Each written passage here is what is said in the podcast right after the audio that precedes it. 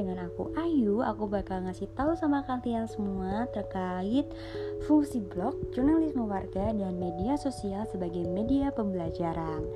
Nah, seperti yang kita tahu bahwa teknologi saat ini kan sangat berkembang dengan pesat, ditambah dengan kehadiran berbagai media-media yang ada di dalamnya.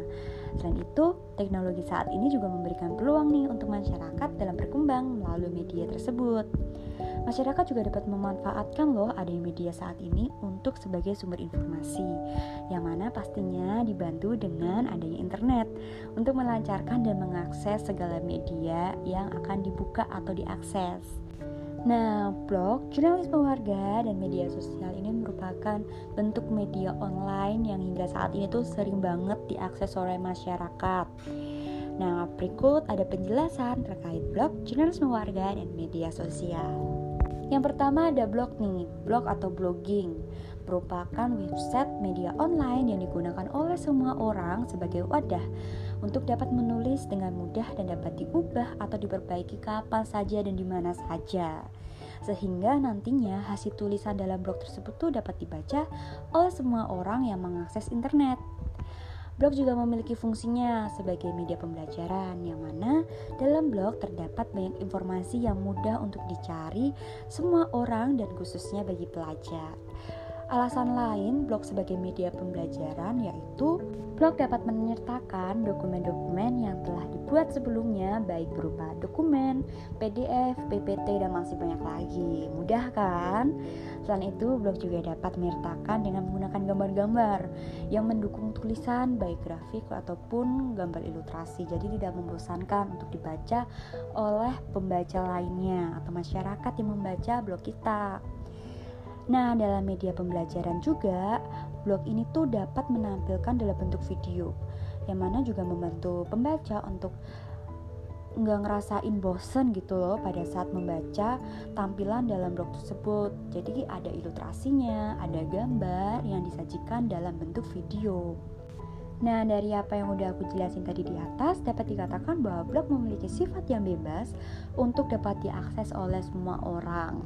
Karena sebagian besar blog ini tuh memiliki keunggulan yaitu gratis dalam diakses oleh siapa aja dengan sangat mudah dan praktis. Yang kedua ada jurnalisme warga.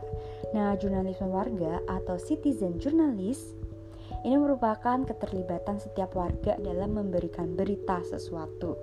Contohnya di Korea Selatan ini memiliki 40.000 reporter warga dan 70 wartawan profesional yang merupakan bentuk jurnalisme warga sejak tahun 2000 yang mana terdapat dalam blog Oh My News atau www.ohmynews.com. Jurnalisme warga Oh My News ini yang ada di Korea sangat berkembang dengan sangat pesat karena warga di Korea Selatan sangat memerlukan adanya media yang alternatif. Selain itu, warga di Korea di Korea Selatan sudah sangat akrab nih dengan adanya media internet sekitar 30 juta penduduk yang telah terhubung dengan jejaring internet. Sedangkan di Indonesia juga ada uh, jurnalisme warga atau citizen journalist yang berawal dari stasiun radio El Sinta di Jakarta sejak tahun 2000 dan hingga saat ini stasiun radio El Sinta ini mempunyai 100.000 reporter warga. Nah, Pepih Nugraha menjelaskan nih terkait unsur pada citizen journalist yaitu yang pertama warga biasa. Warga biasa di sini tuh bisa siapa aja, baik ibu rumah tangga, guru, pelajar, wirausaha dan lain-lain, polisi, dokter, perawat, siapa pun bisa. Yang kedua, bukan wartawan yang profesional yang mana tidak ada pelatihan ya sebagai wartawan profesional. Yang ketiga, peristiwa yang disampaikan harus berupa peristiwa yang memang sebenarnya terjadi. Jadi ini memang sesuatu berita yang benar-benar terjadi, bukan dibuat-buat gitu. Yang keempat, memiliki kepekaan terhadap peristiwa yang sedang terjadi. Kelima, warga harus memiliki alat pribadi dalam pembuatan berita seperti alat perekam yang digunakan untuk mewawancarai dan kamera untuk mengambil gambar suatu peristiwa yang sedang terjadi untuk sebagai dokumen juga. Yang keenam, warga tentunya juga memiliki kemampuan ya dalam menulis. Dan yang ketujuh, warga pastinya juga memiliki nih semangatnya dalam berbagi informasi kepada masyarakat lainnya. Adanya jurnalisme warga atau citizen journalist ini membantukan setiap warga biasa yang tidak terlatih ini dalam wartawan profesional untuk dapat berkembang dan memperlihatkan adanya kepedulian terhadap lingkungan sekitar. Selain itu juga dapat dikatakan sebagai media pembelajaran karena membantu setiap warga dalam mengembangkan kemampuannya dalam bidang menulis salah satunya menulis berita. Yang terakhir ada media sosial.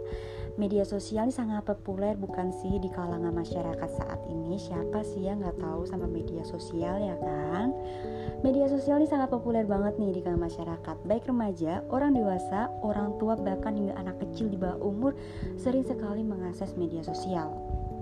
Media sosial sendiri merupakan media online yang memiliki fitur-fiturnya untuk diakses oleh penggunanya seperti kolom komentar, like, following atau followers, dan dapat berpartisipasi dalam pembuatan konten baik foto maupun video.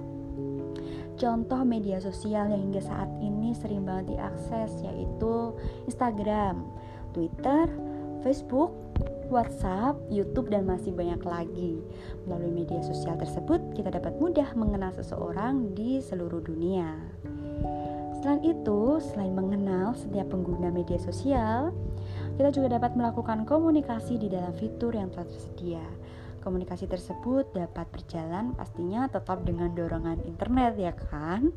Sehingga kita juga dapat berkomunikasi dengan pengguna lain, memberikan like dan komentar pada setiap konten pengguna lain, serta kita dapat membagikan foto, video kita atau konten ke dalam media sosial kita tanpa ada batasan ruang dan waktu media sosial saat ini tuh menjadi aktivitas digital marketing. Contohnya seperti sosial media maintenance, sosial media endorsement dan sosial media activation. Yang mana dengan media sosial kita juga dapat mempromosikan produk jual beli barang hingga dapat menyebarkan berita-berita yang terup to date atau sering disebut dengan istilah viral sehingga seseorang atau setiap pengguna akan sangat cepat untuk memperoleh berita-berita yang sedang terupdate saat ini. Media sosial dapat dikatakan sebagai media pembelajaran karena setiap pengguna dapat mengekspresikan diri mereka di akun media sosial.